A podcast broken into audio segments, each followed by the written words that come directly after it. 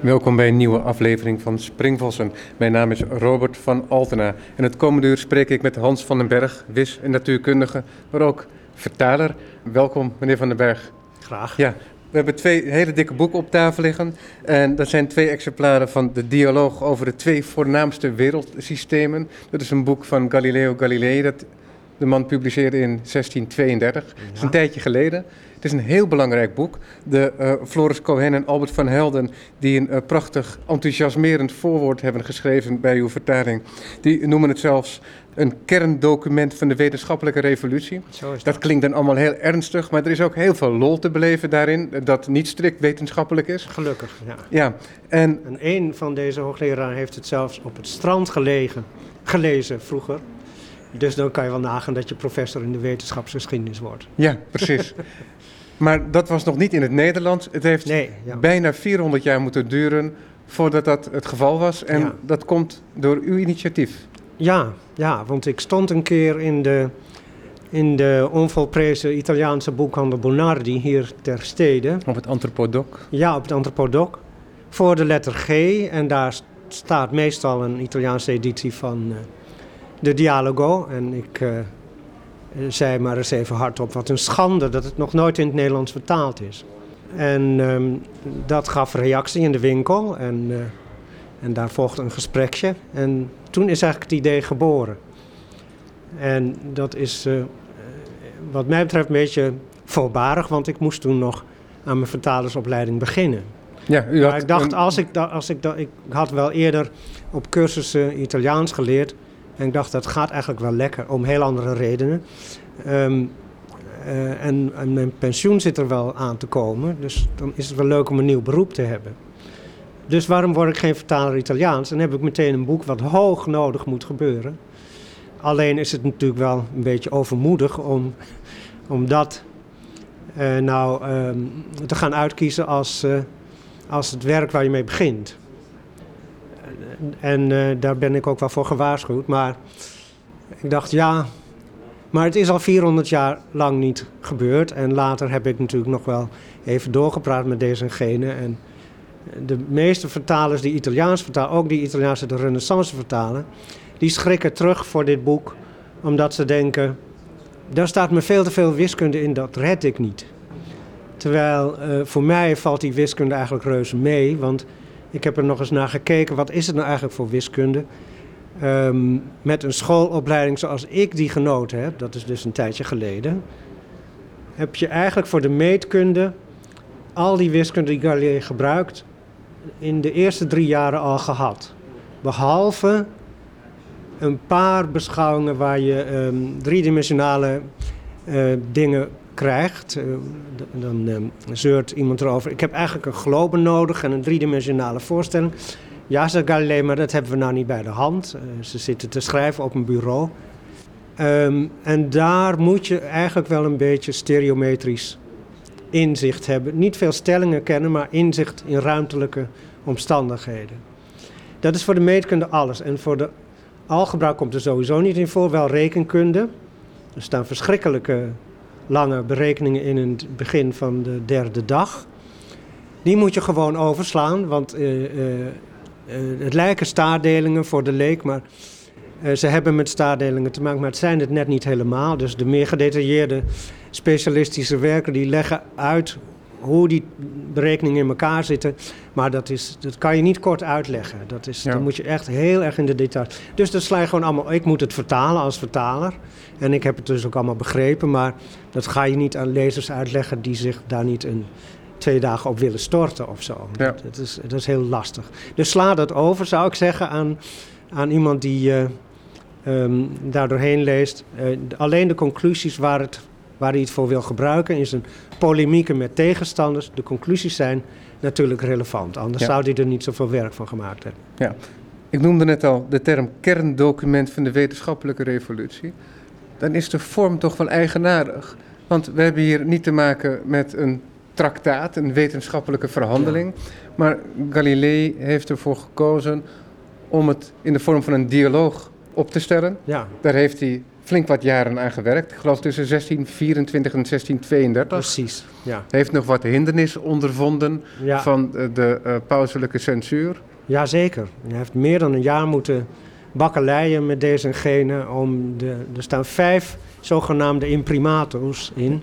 Dat zijn dus vijf toestemmingen dat het gedrukt mag worden van vijf verschillende instanties. Eh, eerst zou het in Rome worden uitgegeven. En eh, daar moet je dus met de mensen overleggen. En toen is er iets tussen gekomen, er brak een, een, een ziekte uit en hij vertrouwde de, post, ehm, de postverbindingen niet meer. Toen dacht ik, ik ga het maar in. Het loopt ook niet zo lekker met, ik ga het maar in Florence uitgeven. Moest hij daar weer door de censuur. En die lokale censuur hebben allemaal verbindingen met Rome. En eh, dat moest dus allemaal goed komen. Daarom staan er ook vijf grote stempels in het origineel. En toen kon dat. Maar hij heeft ook bijvoorbeeld. eh, er is een voorwoord, een opdracht uiteraard aan zijn broodheer, de groothertog van eh Toscane, bij wie hij in dienst was. Maar daarna komt een, een heel curieus stuk, dat is het voorwoord aan de oordeelkundige lezer. En dat is eigenlijk niet helemaal van Galilei, want daar werd, werd hij op het hart gedrukt dat daar dat en dat en dat in moest staan. Anders kreeg je geen toestemming Ja, tot Dus, publicatie. dus het boek was er al, maar Galilei die werd nog gevraagd wel een, voor, een bepaalde vooropmerkingen op te nemen in het boek. Ja, dus van dat voorwoord aan de oordeelkundige lezer weet je niet precies wat nou... eh, hij mocht wel de eindredactie voeren als die en die opmerking er maar in bleven staan. Ja, op wat voor manier en in wat voor context werd niet eh, heel strikt bepaald kennelijk. Nee, dat is geloof ik niet 100% bekend. Ja. Maar in elk geval, het is niet 100% zijn tekst. En een andere opmerking die er per se in moest, komt helemaal op het eind. Ja, daar komen we ook vast nog over te spreken. Ja, ja, Ehm, want dan hebben we al over het begin en het einde. Maar Galileo Galilei, 1632, dan is de man al ergens in de 60, want hij komt uit 1564. ja. Heeft al een rijke wetenschappelijke carrière erop zitten. Hij was een vrij jong hoogleraar. Hij was op zijn 25e hoogleraar, dan zijn we in 16, eh, 1589. En hij was helemaal niet afgestudeerd. Ja. Dat is ook wel leuk, maar, want hij moest van zijn vader medicijnen studeren. Eh, want eh, zijn vader was eh, muzikus en muziektheoreticus. Die overigens ook een zeer beroemde dialoog heeft geschreven in de muziektheorie. Ook buitengewoon opstandig boek. En daar had misschien Galilei wel een tik van mee. En ehm, hij eh, ging niet naar college. Hij vond het maar niks. Hij, wilde, hij ontdekte eigenlijk pas in zijn studentenjaren dat hij aanleg voor wiskunde had. En toen had hij ook meteen een goede docent te pakken. Bovendien nog een vriend van zijn vader, in een professor Ricci. Daar heeft hij wiskunde van geleerd. En die Ricci zag meteen, dit is een talent. Hier moet wat mee gebeuren. Ik ga maar met die vader praten. En dan moet hij het maar goed vinden dat hij de medicijnenstudie laat varen. En daar heeft eh, met, eh, met tegenheugen meugen in het begin, maar uiteindelijk zag die vader... ja, die jongen is toch niet te stoppen. Dus eh, hij gaat zijn gang maar. En toen begon hij te, nou, eerst dus hard te studeren, maar begon ook te publiceren. En zijn eerste onderzoekingen gingen over het bepalen van het zwaartepunt van, van niet zulke eenvoudige lichamen met gebogen oppervlakken en zo. En dat was eigenlijk een voortzetting van het werk van Archimedes. Eh, die was al begonnen met het berekenen van eh, zwaartepunten. Dan ben je dus, eh, hoeveel jaar? 1600 plus 300. 1900 jaar eerder. Dus hij werd wel eens de beste leerling van Archimedes genoemd. Omdat hij dat werk voortzette en ook een paar nieuwe stappen bij dat type berekeningen zette. En daardoor gingen de wiskundigen. Ik bedoel, wat deed je dan als je zoiets gevonden had? Stuurde je brieven naar geleerden of ze dat wouden lezen. En toen begon hij dus op te vallen. Ja. En hij was niet heel zetelvast, want hij heeft, Nee. een, geloof ik, een drietal posities in ieder geval bekleed. Ja, onder andere maar je kreeg, je kreeg nooit een vaste aanstelling als professor. Drie jaar. Heel bijzonder was het om vijf jaar. En ik weet niet hoe, vaak dat destijds herhaald moest zijn. Voor, of ze überhaupt aanstellingen voor het leven hadden. Daar ben ik niet achter gekomen. Ja. Misschien wel, misschien niet. We kijken nu achteraf er tegenaan. Ik heb in de aankondiging die ik schreef heb ik een stukje uit Dijksterhuis geplukt. Ah, dat mooi is de, de mechanisering van het wereld, ja, een ja, prachtig ja. boek Ja, uit nou, daar- 1950, nog steeds in herdruk verkrijgbaar. En daarin zegt deze man over Copernicus, de 16e eeuwer, die de zon weer in het centrum van het heelal plaatsen en de aarde in een eh, rondje daar gedwee omheen. Eh, na een stilstand van circa 14 eeuwen zet zich de ontwikkeling van de astronomie te Frauenburg voort. Waar Ja. Copernicus Ja. eh, zijn werk eh, verrichtte. Eh, op het punt waarop zij de Alexandria was blijven staan. 14 eeuwen. ja. Het is Je ongelooflijk. als vraagt je af wat daar is gebeurd. Want net, net, net ook al ehm, het eh, verhaal van Archimedes. Alsof de mens heeft stilgestaan. Ja, nou de hele wetenschap ging een beetje op een heel laag pitje staan in de oudheid. Na de grote Alexandrijnse bloeitijd. En er is dan een eindeloze discussie over hoe dat kwam. Eh, sommige mensen vinden dat dat te wijten is aan het feit dat het Romeinse Rijk christelijk werd. En dat die christenen eh, eh, dat een beetje beschouwden als eh, behorend bij de oude cultuur. En dat is een heidense cultuur. Dat is een veelgodendom van de Grieken en de Romeinen ook. En dat, dat, dat ligt niet direct in het verlengde van de toenmalige wetenschap, maar eh, ik, eh, dat is wat ik vaak lees. En misschien is dat niet, eh, niet een evenwichtige manier om dat... eh, Nee. Maar, het, Maar is ook, ben- het is ook een enorme vraag die ik stel Ja. natuurlijk. Ja, en ja, misschien is- moeten we ons gewoon concentreren op het gegeven dat Copernicus een theorie ontwikkelt. ehm, waarbij het mogelijk is dat de aarde om de zon draait en dat de aarde niet een, eh, het centrale punt in het heelal is, dat hij in rust verkeert Ja. en waar de rest omheen draait. En de rest zijn dan de planeten, de zon, de maan. Ja, En- in en- die, maar ja. in die 14 eeuwen zijn er wel een paar eh, Arabische ehm, ehm, voorgangers waarvan men zegt dat Copernicus daar bekend mee was. En via Copernicus Galilei ook. En hij noemt ze ook in de Dialogo. Ehm, maar die hebben. Een daarvan heeft ook gezegd: de zon staat in het centrum. Maar dat, ik weet niet precies waarom dat geen school heeft gemaakt. En daar is verder geen grote bloei uitgevolgd. Terwijl Copernicus zelf, die, die was buitengewoon goed bekend met het werk van ehm, Ptolemeus. En je zou kunnen zeggen, hij heeft bijna een soort nieuwe editie van Ptolemeus geschreven, 14 eeuwen later. Eh, het, het is een boek met dezelfde soort structuur, helemaal geen dialoog, maar een zeer geleerde verhandeling. Met een inleidend hoofdstuk en dan komen er nog elf hoofdstukken zeer gedetailleerde. Dat is echt gedetailleerde wiskunde, hè? dat is heel wat anders dan Galilei. Ja. Maar zij wilden ook echt de banen van de planeten berekenen. En eh, Copernicus die zette wel de zon in het centrum. Eh, natuurlijk een schokkende daad voor de filosofie uit zijn dagen. Eh, maar hij moest toch, net als eh, Ptolemeus, een systeem van epicycles en andere, ehm, laat ik nou maar oneerbiedig noemen, tierenlantijnen, daaraan verbinden om het helemaal voor elkaar te krijgen. Dus eh, niettemin was dat een hele grote eerste stap. En de, de filosofen, die liepen daar tegen te hoop. Maar dat werd pas een grote zaak met Galilei. Want eh, wat Copernicus niet deed, was eh, dat die nieuwe beschrijving van de planetenbanen verbinden met de fysica van zijn tijd. En dat, dat is juist wat Galilei wel deed. Dus Galilei had al, een, voordat hij aan de, door zijn telescoop ging kijken en aan die eh, sterren begon, had hij al een hele carrière achter de rug van misschien twintig jaar.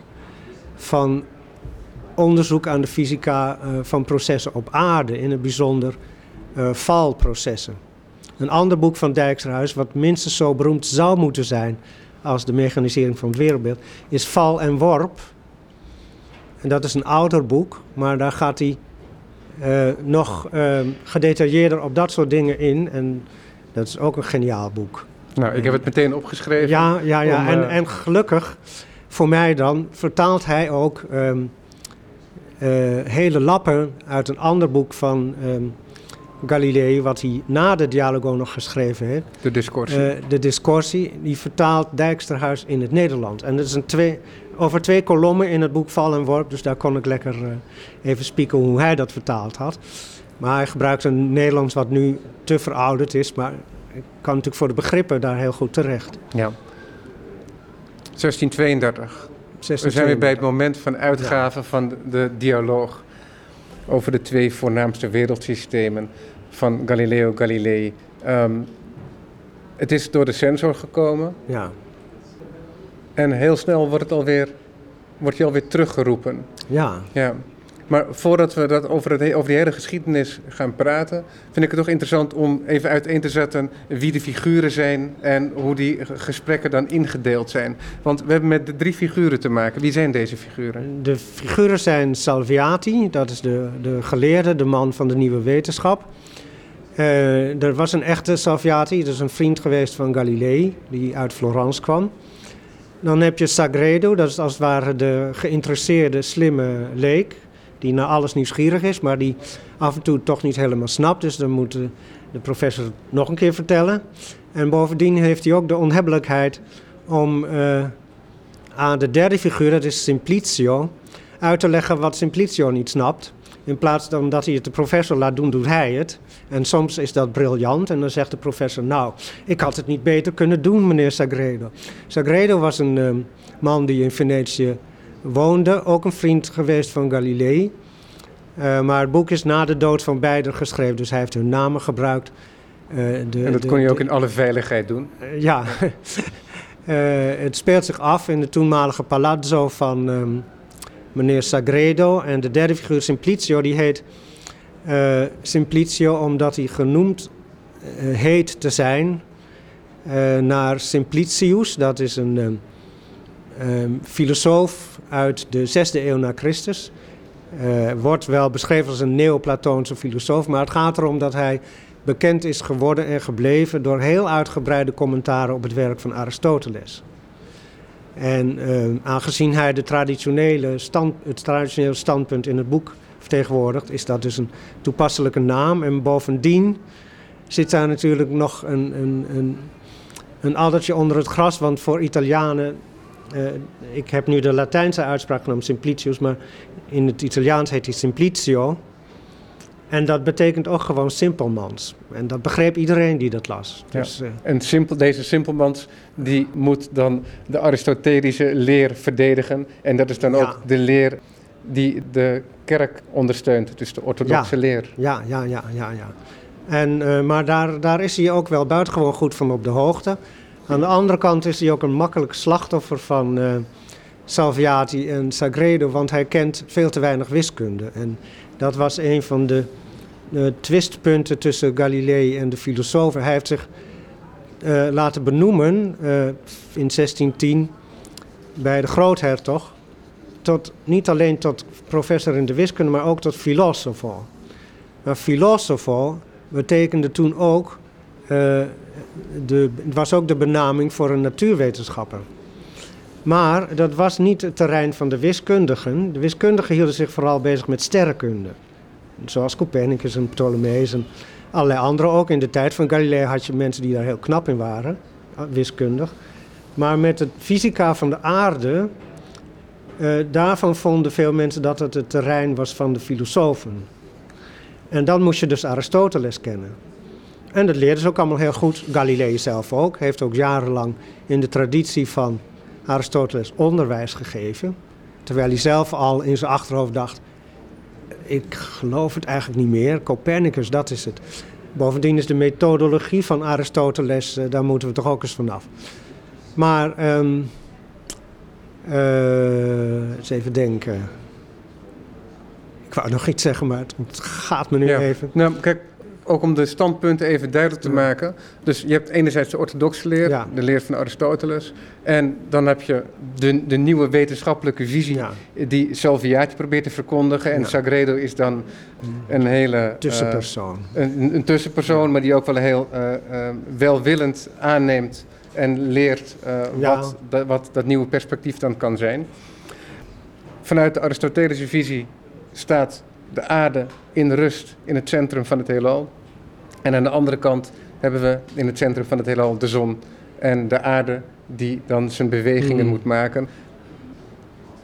Maar er is nog wat meer aan de hand, want u zegt ook de Aristotelische methodologie, daar is wel het een en ander op aan te merken. Is het in een Ja. kort tijdsbestek te zeggen wat dat is voor methodo- methodologie? Eh, eh, ja, ehm, eh, wat Aristoteles ehm, deed was natuurlijk buitengewoon geavanceerd in zijn eigen tijd. Dat erkent Galileo ook ruiterlijk. Maar hij zegt ze speculeren en ze kijken wel naar buiten, maar ze doen twee dingen niet. In, in de eerste plaats kennen ze te weinig wiskunde. En Aristoteles had ook een argument, voor die tijd helemaal niet zo'n gek argument, tegen het gebruik van wiskunde. Omdat eh, als je naar buiten kijkt, zie je allerlei dynamische processen zich afspelen in de natuur. En ehm, daar ontstaat van alles en er vergaat van alles. En dat, daar kan je geen wiskunde bij gebruiken, want de wiskunde gaat over, zeker de meetkunde, over dingen die eeuwig zijn, die onveranderlijk zijn. Of dus dat statisch, is- net hoe je het ziet. Ja, ja, ja. En eh, de, op zich helemaal geen gekke opmerking eigenlijk, zeker voor die tijd. Want eh, de eerste keer dat er iets van dynamica in wiskundige vorm gegoten wordt, begint, en dat zie je heel mooi beschreven in dat mooie boek van Dijksterhuis, bij de Parijse school in de 13e eeuw. Eh Buridan en Oresme zijn namen die daarbij horen. Maar dat zakt weer een beetje in, maar dat weet Galilei allemaal heel goed. En hij is een van de eerste die daarmee begint, vooral voor processen die zich op aarde afspelen. Zo zie je, hij, hij besteedt heel veel aandacht aan uitleggen wat het begrip snelheid is.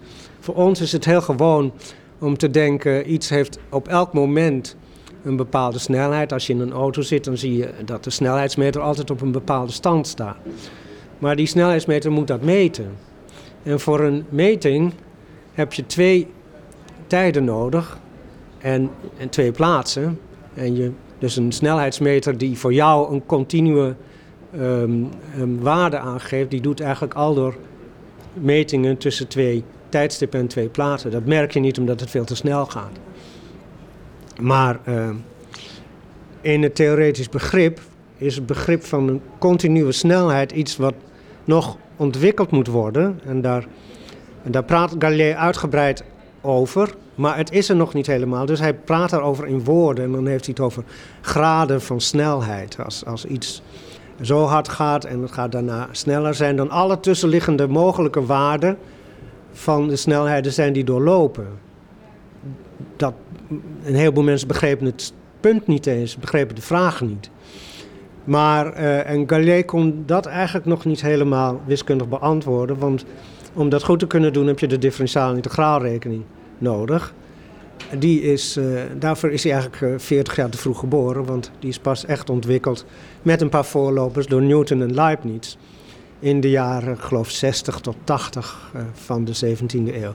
En Galilei is in 1642 gestorven. Maar hij heeft zeker eh, eh, bijgedragen aan het gevoel van daar is iets nodig, in de wiskunde ook, anders kunnen we niet goed een dynamica opzetten. Ja. Je Is- moest dus wiskunde doen Ja. en dat hadden de filosofen niet op zak. Hij gaat zo ver door een collega-filosoof uit te kafferen dat hij niet eens weet eh, dat de oppervlakte van een cirkel eh, kwadratisch uitgedrukt wordt in de straal van de cirkel. Nou, dat is toch wel heel elementaire meetkunde.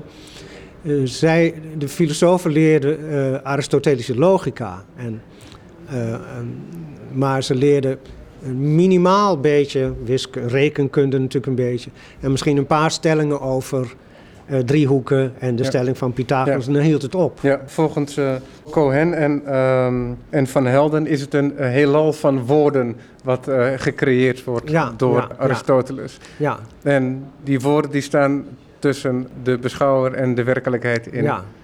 Nou ja, en, dat, en Galilei zegt dus, eh, dat kunnen wij Aristoteles niet kwalijk nemen.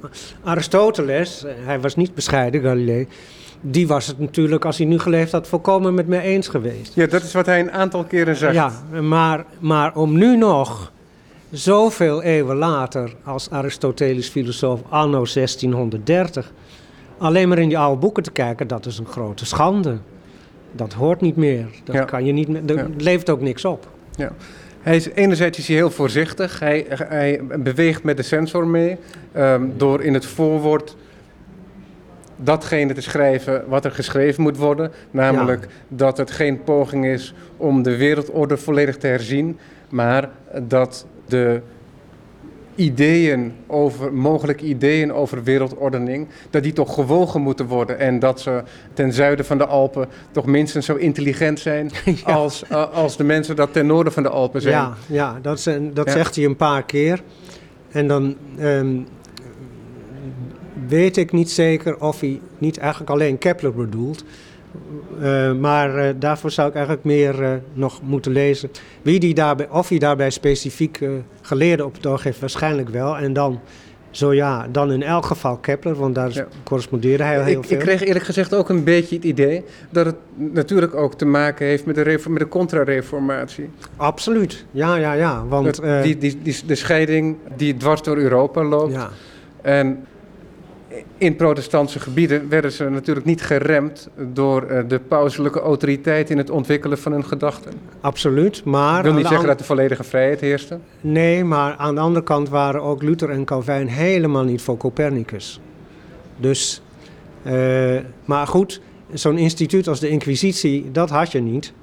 En, ehm, en de macht van de Inquisitie, eh, ja, dat is op zich fascinerend. Het is heel gruwelijk. Maar het is fascinerend om te zien hoe zich dat ontwikkeld heeft. Ja. Hij is in 1616 nog op het matje geroepen door kardinaal Bellarmino. Eh, en hij kreeg toen een verbod om verder over de theorie van Copernicus eh, uitspraken te doen en die te, ehm, te propageren. Hij mocht hem zelfs niet eens uiteenzetten. Nou, daar heeft hij zich een aantal jaren aan gehouden. En die Bellarmino, dat is dezelfde die nog eh, 16 jaar eerder, in 1600, heeft meegeholpen om Giordano Bruno op de brandstapel te krijgen. Dus dat zijn Ja. heren waar je voor op moet passen. Ja. En, Maar, maar toch is het zo, dat is dan helemaal met dit in gedachten, deze kardinalen in gedachten, is het toch bijzonder moedig geweest van Galileo, misschien zelfs roekeloos, dat hij uiteindelijk, al is het na lang overleg met de paus persoonlijk zelfs, toch zo'n dialoog gaat Ja. schrijven, ja, ja, ja. waarin hij zegt alleen maar eh, bepaalde theorieën te willen wegen en het uiteen te zetten. Hmm. Er wordt ook herhaaldelijk gezegd over nee, maar we zijn hier niet om tot een conclusie te komen over de gedachten Ja. die we hier wisselen. Ja. Nee, we zetten ze alleen uiteen. ja, dat zegt Maar hij. dat, dat doet hij bij woord, maar uiteindelijk wordt, wordt de, het, het is een dialoog die zich uitspint over vier dagen. En elke dag komen ze weer bij elkaar en dan... Uiteindelijk is het toch zo dat hij het vo- volledig naar één kant stuurt. Ja, absoluut. Ja, maar dat heeft de lezer gauw genoeg in de Ja. gaten. Ja. Maar de, het is wel grappig, de, het Italiaanse titelblad is... De, de, de, titel in het Italiaans is, is ongeveer één pagina lang in grote druk. En daarin wordt uitvoerig uiteengezet dat hij beide standpunten het volle pond zal geven. Maar als je gaat lezen dan, en dat zeggen de voorwoordschrijvers ook... dan voel je wel aan waar zijn sympathie ligt. Precies. En al dat eh, gepraat over. eh, eh, ja, ik, hij zegt ook af en toe: ik ben een toneelspeler. Ik speel een rol van de, de, de vooruitstrevende professor. Maar dat is niet noodzakelijkerwijs mijn eigen persoonlijke mening. Maar ja, dat geloof je natuurlijk als lezer niks van. Ja. is, dat is, maar dat is allemaal bescherming misschien. Hè? Dat, wordt, Ja. dat lees je dan vaak. eh, Zo Maar de man- beschermde hij zich tegen de inquisitie. De man komt er even mee weg, want het boek wordt gepubliceerd. Ja, ja. En het boek, daar komen drie heren in samen. We zeiden het al, Salviati, die ja, het, de gedachten, het gedachtegoed van Galileo en Copernicus verwoordt. Ja. Sagredo, de, de wijze leek. ja. En dan hebben we Simplicio, Ja. de, de man die de leer van de kerk moet verdedigen. ja. En Maar als ik eh, zo vrij mag zijn. Salviati doet nog veel meer. Want eh, het knappe van dit boek is, en dat deed Copernicus nog niet, dat kon hij ook nog niet, dat eh, alle traditionele argumenten tegen Copernicus, die bestrijdt hij in, vooral in de tweede en de derde dag door een beroep te doen op zijn onderzoek aan de bewegingsleer in de, in de twintig jaar voorafgaand aan het moment waarop hij door de telescoop begon te kijken. Dus al zijn analyse van bewegingen, het feit dat je twee bewegingen, een horizontale en een verticale, kunt samenstellen, waarvan de ene versneld is, de ander niet, en dat je dan een paraboolbaan krijgt. Het feit dat je bijvoorbeeld uh, een begrip kunt invoeren als traagheid, wat later eigenlijk pas goed geformuleerd is door Newton, maar hij begint er al mee. En nog zo'n aantal zaken, die weeft hij allemaal in die discussies in de tweede en de derde dag door doorheen om, om de traditionele bezwaren tegen Copernicus mee te ontkrachten. En dat is iets uh, wat Copernicus zelf niet deed, want die bleef te veel in de technische wiskunde hangen. Ook al heel knap natuurlijk, maar en Galilei gebruikte ook de, de, Je kunt zeggen, Copernicus heeft een soort goniometrische tabellen opgesteld die voor zijn tijd geavanceerd waren. Sinus- en cosinus tabellen. Uh, en die had je vroeger, ik weet niet uh, uh, wanneer u op de middelbare school zat. Maar... Ik ben volledig ongeschoold wat wiskunde betreft. Nou, je hebt toch in, de, in, in, elke middelbare school heb je toch de eerste drie jaren wiskunde, wiskunde ook al word je alfa. Er zijn manieren, manieren, meneer Van den Berg, om daaraan te ontkomen. Oké. Okay. En die manieren die heb ik ingezet. nou, goed. Maar dat valt... Ehm, nou, het gaat erom... De goniometrie bestaat eh, in een of andere vorm sinds de oudheid. En het gaat erom dat je verband legt in de goniometrie tussen hoeken en de gedeeltes van de cirkels waar die hoeken als het ware onder zitten. En dat is een tak van wiskundige sport die uh, sinds de oudheid is ontwikkeld. Uh, in de Grieken hebben er veel aan gedaan, de Arabieren hebben dat een stuk verder gebracht. En dat is weer gaan lopen in de tijd van Copernicus en later.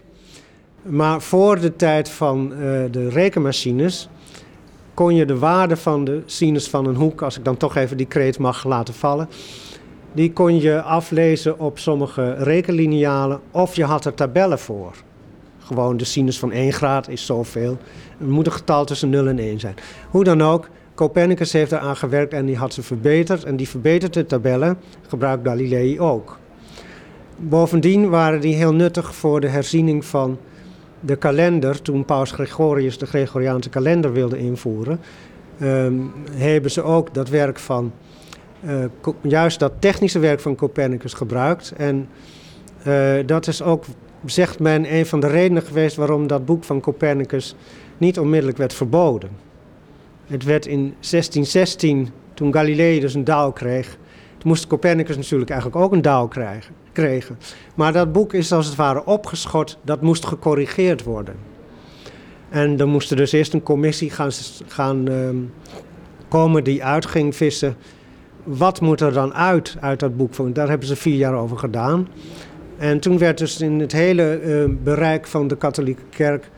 van, ik weet niet hoe ze deden, van de kansel verkondigd... van iedereen die het boek van Copernicus heeft... moet die en die regel daaruit schrappen. Ah, kijk. En uh, dat moest dus in het hele katholieke uh, domein uh, verordoneerd worden. En dat deden mensen ook. Nou, Galilei zie... deed het ook. Ja. Maar die deed het alleen zo dat hij ze heel dun doorstreepte. Dus je kon gewoon die oude regels weer er doorheen lezen. maar dan had je aan de opdracht voldaan en ja. dan konden ze je niet op pakken. Ja, goed. We gaan eventjes het boek uiteenzetten, heel kort. We hebben vier dagen. In de eerste dag wordt een onderscheid dat uh, de leer van Aristoteles maakt uiteengezet over het ondermaanse en het bovenmaanse. Mm -hmm. Ja, en dat is misschien nog wel het belangrijkste van, uh, um, van het hele boek. Dat die tweedeling van het heelal, dat hij die opheft. Ja. En, Want die uh, tweedeling die bestaat eruit dat alles wat bovenmaans is perfect, onvergankelijk is en, ja. en, en eeuwigdurend. Ja. En uh, alles wat daar beneden is, dat is dus vergankelijk. En daar heb je allerlei wilde processen die, waarvan Aristoteles dus dacht... dat kan je nooit met wiskunde bestuderen. En um, het laatste deel van die eerste dag, dat is nog een hele grappige passage. Want de maan bevindt zich dus op de overgang tussen het onder- en het bovenmaanse. En traditioneel werd de maan als een perfecte uh, soort kristallen bol, spiegelglad opgevat. Nou, toen Galilei door zijn telescoop naar de maan begon te kijken, zag hij dus dat is helemaal niet waar. Ja. Ja. En Galilei was een van de eerste die dat ook kon doen. Want Ja. in, geloof in 1608 of daaromtrent werd er in Middelburg, Ja. het is onzeker wie het eerste was, een telescoop uitgevonden. Ja, ja, je, Ehm, meestal hoor je de naam Hans Lippersheim, maar Ja. de- Albert van Helden, de tweede voorwoordschrijver, heeft een heel boek over de geschiedenis van de telescoop geschreven, waarin dat allemaal uitgebreid aan de, Ja. uit de doeken wordt gedaan. Ja. En ehm, daar kwam het nieuws daarvan verspreidde zich als een olievlek over Europa. Dus Want al in 1609 ja, bouwt Galilei, het is echt onvoorstelbaar als Ja. je de afstanden en de toenmalige reismiddelen bekijkt. ja, Al in 1609 had Galilei zelf een verbeterde versie gebouwd, waardoor hij iets van 30 tot 40 keer beter kon zien. Eh, Dan- Die getallen van de allereerste versies, eh, dat weet ik niet meer uit mijn Ja, hoofd. Maar, Maar in ieder geval een aanzienlijke Ja, verbetering ja, opleverde, ja, waardoor ja. hij inderdaad de maan aanzienlijk beter kon bekijken. Ja. En, ja. ehm, maar hij begon niet met de maan en dat is ook wel grappig om te vertellen. Hij begon in de zomer van 16... Als je nu naar Venetië gaat, hij was toen nog professor in Padua, dat viel onder de Republiek Venetië. En, eh, en in Venetië vindt ook de dialoog plaats tussen de drie heren. Maar hij ging met zijn kijker naar de Doge. En dat is ook natuurlijk de admiraal van de vloot. En hij zei, komt u eens met mij mee op de Campanile... van eh, dus de hoge klokkentoren die naast eh, het paleis van de Doge staat, nog steeds. Dan moet u daar eens even door mijn kijker kijken... en dan zult u zien dat u de vijandelijke schepen twee uur eerder ziet... dan zij u, als, ze- zolang zij niet ook zo'n kijker hebben. En daar staat nog een plaquette eh, als je boven bent... op 21 augustus 1609 heeft Galilei hier zijn kijker aan de Doge gedemonstreerd. En toen kreeg hij ook opslag. Eh, hij kreeg veel meer ehm, salaris. En eh, de Doge dacht dus een goede vis te hebben gevangen. En, ehm, en daar nog lang van te zullen profiteren. Maar een jaar later was Galilei al vertrokken naar Florence. Daar kon hij namelijk een baan krijgen zonder onderwijsverplichtingen. En dat trekt natuurlijk. Voor hetzelfde geld. En wel een permanent buiten aan de hoven kon je wel een permanente aanstelling krijgen. Als het je lukt. Nou ja, goed.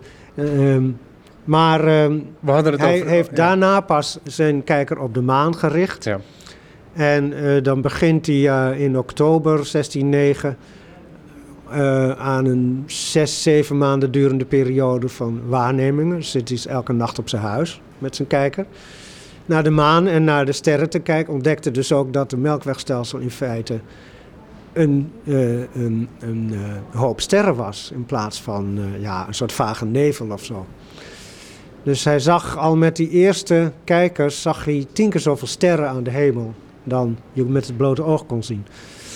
Ja, en toen kwamen de schijngestalten van Venus en nou ja, nog zo het een en ander. En toen dacht hij, dat moet ik eens even gauw publiceren in mijn eh, boekje Siderius Nuncius. En daarmee werd hij onmiddellijk be- wereldbekend in Europa. Want een paar maanden daarna kwam er al een roofdruk in Frankfurt uit. Met veel slechtere plaatjes. Want Galilei kon heel goed tekenen. Dus hij tekende gewoon zelf wat hij, eh, wat hij door die kijker zag. Ja. Dat plaatje waar u net naar zat te kijken op de computer. Ja, bij de aankondiging heb de- ik eh, wat afbeeldingen opgenomen. En een eh, van de afbeeldingen bevat een tekening eh, Ja. van de verschillende fasen ja, van de ja, maan. ja, ja. Maar hij heeft ze vaak zelf, ik weet niet of die waarschijnlijk ook, als die uit de Siderius Nuncius afkomstig zijn, dan heeft hij ze zelf gemaakt. Hij kon ook heel goed tekenen zelf. Die telescoop is heel belangrijk om, om, om ook zijn beweringen eh, met waarnemingen te kunnen ondersteunen. Hmm.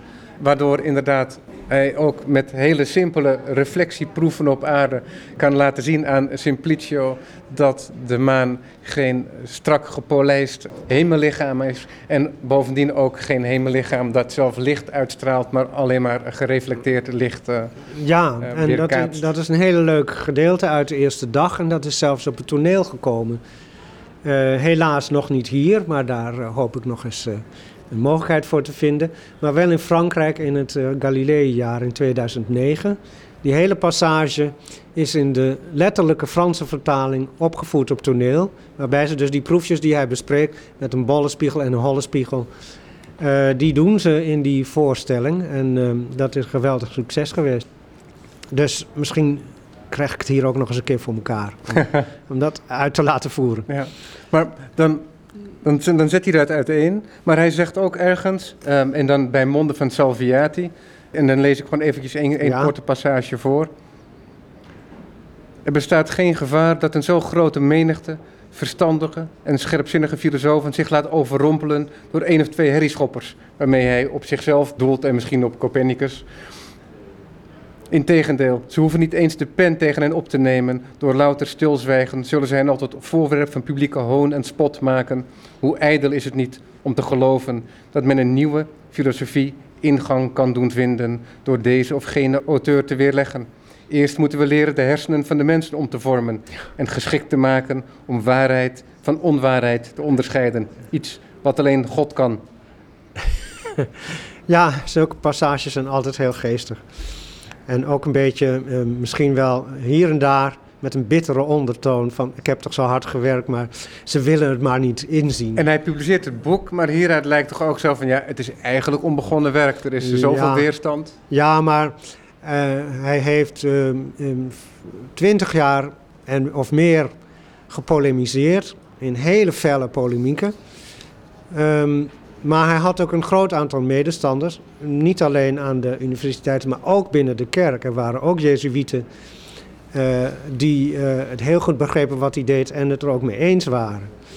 En ehm, bij zijn veroordeling zijn, eh, hebben ook niet alle Ehm, ja, hoe moet je die mensen noemen? Die in de commissie van de Inquisitie zaten, de rechtbank of zo, hebben niet allemaal de veroordeling ondertekend. En er zijn wel speculaties dat sommige van de leden daarvan het er niet mee eens waren. En dat het dus geen unanimiteit Ja. was. Hoewel Maar- het toch nog tot, nou in ieder geval voorbij de helft, de tweede helft van de 19e eeuw, ergens in 1860 geloof ik, heeft geduurd voordat het boek ehm, van, de, eh, Ja, van de index. van de, van de Ja. index werd gehaald, van, Ja, de, van de lijst verboden ja, boeken. Ja, ja, en het heeft tot de jaren negentig van de vorige eeuw geduurd voordat de toenmalige paus eh, een vorm van excuses aanbood.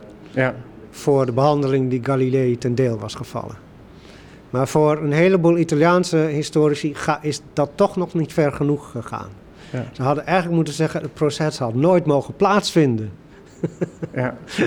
Maar ja, dat is de geschiedenis. Hè? Dat, eh, Er zijn vier dagen. En in die dagen wordt bijvoorbeeld in dag 2 de aswenteling van de aarde behandeld. Dus dat is de rondgang van de aarde om zijn eigen as in 24 uur. En de rondgang van de aarde om de zon. Vervolgens op dag 3. ja. Maar dan wordt er een hele dag ingeruimd voor het verschijnsel eb en vloed. ja. En dat is nou zo mooi. Dat was eigenlijk... Eigenlijk wilde Galilei eh, zijn dialoog, dialoog over eb en vloed noemen. Want voor hem was dat eigenlijk het hoofdonderwerp. Eb en vloed is een verschijnsel op aarde. En eh, hij meende dat met deze eh, tweevoudige rotatie van de aarde om zijn as en de aarde rond de zon, hij het optreden van eb en vloed kon verklaren op zuiver mechanische wijze. Er waren wel eh, mensen die zeiden, nee, dat heeft met de maan te maken. En, eh, maar het begrip als echt de aantrekkingskracht van de maan, zoals je dat bij Newton vindt, dat was er nog niet. Dus ehm eh, Galilei wist natuurlijk dat allerlei mensen het aan de maan toeschreven, maar dat vond hij. hij noemt Kepler daar ook ergens in dag 4 en dan zegt hij: Ja, wat Kepler daarover dacht, dat is flauwekul. En eh, hij eh, begreep heel goed dat zijn eh getijdentheorie nog niet helemaal vlekkeloos was. Maar, ehm, en wordt nou tegenwoordig en ook in zijn eigen tijd al door andere geleerden, zoals bijvoorbeeld de Franse wiskundige Mersenne. Die en, en soortgelijke mensen van, van het kaliber waarvan je kunt verwachten, die begrijpen echt wat Galilei doet. Die, er is meteen kritiek op gekomen. Maar toch is het een ontzettend interessant hoofdstuk, omdat hij ook daarin betrekt wat hij al vier decennia eerder over ehm, het, slingerverschijnsel betrekt. Eh, en ook eh, zegt, ja, waarom is er zoveel variatie in het optreden van eb en vloed? Dat komt omdat al die zeestromingen zich in verschillende zeebassins bevinden met verschillende diepte en verschillende breedte.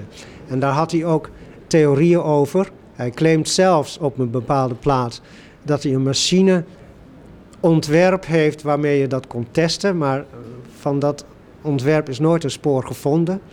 En dat uh, zou dus heel spectaculair zijn als iemand nog eens een document vindt waar dat in meer detail wordt beschreven. Maar daar weet men niets van. Maar in elk geval, er was toen überhaupt geen behoorlijk denken over zeestromingen in verband met dieptes en, um, en oriëntatie ten opzichte van de rotatieas. En daar, uh, dus je kunt, je kunt wel zeggen, het is een verkeerde theorie, maar hij is wel ontzettend intelligent fout. Ja, want het is heel opvallend als je ziet met hoeveel flair hij al zijn andere ideeën uiteenzet en de ideeën van Copernicus verdedigt. Hoeveel woorden hij nodig heeft voor zijn eb- en vloedtheorie. Ja, ja, ja. Maar ik vond het toch ook. Uh, eb en vloed was een mysterie sinds de verre oudheid. En daar is van alles over. Uh, en, en, sinds de tijd dat de goden niet meer optraden in beschouwingen over het reilen en zeilen van de aarde, is er van alles over gespeculeerd. Maar het werd toch lang, lang na de oudheid nog als, als een bewijs van het, van het ingrijpen van God. Want anders was er überhaupt geen zinnige verklaring van. Ja. En ik weet niet meer wanneer ze begonnen zijn met uh, de invloed van de maan. Uh, toe te schrijven aan de invloed van de maan en op welke wijze. Maar zoals Kepler dat deed, dat moest Galileo helemaal niks van hebben. Ja, want de, nee, precies. Want bij hem heeft de maan ook in zekere zin invloed. Want de maan die trekt in zijn rondje om de aarde. Ja. En dat heeft op zijn manier en in zijn uitleg ook invloed ja, maar op dat, dat eb en vloed. Dat, dat is, dat, dat is uh, een van de meer subtiele punten. Het optreden van eb en vloed verklaart hij niet met uh, de, de invloed van de maan, maar wel het variëren van de hoogte van eb en vloed. Ja, precies. Dus als je ergens springtij hebt of je hebt, uh, er is nog een ander verschijnsel, het schiet me even niet te binnen. En daar speelt de maan wel een rol bij. Ja. Het is heel interessant dat je, um, want hij probeert iemand te overtuigen van zijn ideeën. En als je niet meegaat in de basisprincipes, namelijk bijvoorbeeld dat de zon in het, in het uh, centrum van het heelal staat, ja, dan is het echt ongelooflijk. En zo is het voor hem ook ongelooflijk als iemand als Kepler is dat, meen ik ook, voorstelt om een probleem van een rondgang op te lossen in de berekeningen door uiteindelijk een ellips te gebruiken. Want dat, Ja. dat, dat verwerpt hij vierkant. Ja, Dus hij is niet in staat om zich daar ook in te verplaatsen. Dus dat blijft toch echt een heel moeilijk probleem. nou, dat, dat weet ik niet precies. Eh, ehm, het is zeker waar, die- die, die ellips van Kepler eh, werd al in 1609 gepubliceerd. En Galilei las echt alles wat Kepler schreef. Maar ehm, daarvoor had Kepler, hij heeft het eh, eerst ontdekt aan de baan van Mars. En de baan van Mars heeft hij vijf jaar lang geprobeerd om er een cirkel in te persen. En dat is niet gelukt. En toen eigenlijk uit- een soort armoede heeft hij maar eh, eh, een ellips geprobeerd. En dat lukte veel beter. En sinds die tijd ehm, zou je zeggen, moet iedereen dat serieus nemen. Zeker Kepler, was een befaamde man in zijn eigen tijd al. En ook bij Galilei. Maar, maar Keplers wetenschapsfilosofie vond Galilei helemaal niks. En dan had hij toch nog dat wiskundig-technische resultaat eh, wat meer serieus kunnen nemen. En hoe dat, eh, hoe dat precies eh, of aan zijn aandacht is ontsnapt, dat kan je eigenlijk nauwelijks voorstellen. Maar waarom hij dat niet zwaar genoeg heeft gewogen, dat zou ik niet precies kunnen zeggen. En ik heb daar wel de nodige opmerkingen over gelezen, maar daar heb ik toch niet een helder beeld over gekregen. Is gewoon stom van Galilei eigenlijk, denk je achteraf. Want we zijn met dit boek twintig jaar later. Maar wat ik ook niet weet, en mogen wetenschapshistorici mij eens eh, nader informeren, is hoe snel dat idee van Kepler toen aanvaard werd. Want iedereen dacht natuurlijk nog in cirkels. En, en wat ik ook niet weet, is een ellips, waarvan de brandpunten vlak bij elkaar staan, is natuurlijk praktisch een cirkel. Dus ik wil eigenlijk eens weten, maar ik heb dat nog niet ergens kunnen lezen, hoe ver die, die ellips die Ke- Kepler dan uiteindelijk vond, hoe ver de brandpunten daarvan van elkaar verwijderd zijn en hoeveel die ellips eigenlijk verschilt van een cirkel. Als je nu naar het fantastische uh, planetarium van IJzer IJzinga gaat, dan gebruikt hij ellipsen. Want IJzinga, dat is 1780, dus dan is alles al lang in orde gekomen. Maar als je daar gewoon als leek naar kijkt, dan denk je, nou, dat zijn prachtige cirkels. Het ziet er helemaal niet elliptisch uit. Dus die brandpunten van die ellipsen, die moeten vlak bij elkaar liggen. En in hoeverre je dat nou uh, de mensen uit het begin van de 17e eeuw kwalijk kunt nemen, gewoon op zuiver technische gronden, dacht, dat ze misschien dachten, nou, die, cirkel, die ellips van Kepler, ja, dat beweert die Kepler, maar, het, maar is, toch, het is toch bijna een cirkel. Maar, we hebben het ook, maar ik kan dat niet beoordelen. Nee, maar enerzijds is het publiek en anderzijds heb je ook een wiskundig geschoold figuur Absoluut. als Galilei, ja, ja, Galileo Galilei. Dus dat is niet helemaal hetzelfde. In het, Zeker. In het begin vertelde u dat er twee dingen opgenomen moesten worden in de tekst door Galileo Galilei. Wilde het door de censuur komen. Ja. Eén ding hebben we al uh, genoemd aan het begin, dat staat ook in het voorwoord. Ja. En anderzijds is er ook dat eigenlijk de mening van de paus erin moest. Ja. Dat, en die uh, wordt dan verkondigd door uh, Simplicio. Zal ik het stukje even voorlezen? Ja, graag. Ik, ik stap eventjes ergens in. Um, wordt gevraagd of hij nou van mening is veranderd na die vier dagen discussie. En of hij, nou, um, of, hij dat, of dat hij nog steeds volhardt in zijn Aristotelische ideeën. En dan zegt hij het volgende.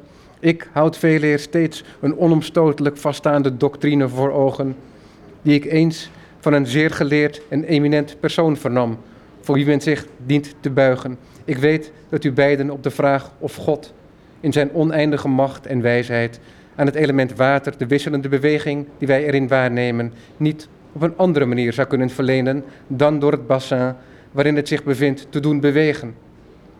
Ik weet nogmaals dat u zult antwoorden dat hij de macht en de kennis zou bezitten om dat op vele wijzen te doen. Ook op voor ons verstand ondenkbare wijze. Hieruit concludeer ik direct dat dit zou zijnde het van een buitensporige overmoed zou getuigen als iemand de goddelijke macht en wijsheid zou willen beperken en onderwerpen aan zijn eigen individuele gril. Ja. Ja, dat heeft de paus hem niet in dank afgenomen. Precies, want vervolgens zegt Salviati, die dan het woord van uh, Galileo zelf verkondigt. Dat is een bewonderenswaardig en waarlijk hemelse doctrine. Geheel in overeenstemming met die andere, eveneens goddelijke doctrine. Die ons wel toestaat over de samenstelling van de wereld te disputeren. Maar daaraan toevoegt, misschien om de werkzaamheid van de menselijke geest niet te stoppen of luid te maken. Dat wij het werk zijner handen niet zullen ontdekken. Ja, dus uiteindelijk mogen we discussiëren wat we willen, we mogen er niks aan veranderen. Ja, ja, ja, ja, ja, ja. Nou ja, maar dat hij um, de opvatting van de paus in Simplicius mond heeft gelegd, daar uh, volgens de berichten is de paus een, uh, in buitengewone woede is, is hij daarover ontstoken. En uh, het proces was er misschien even goed wel gekomen, maar de paus heeft natuurlijk het laatste woord.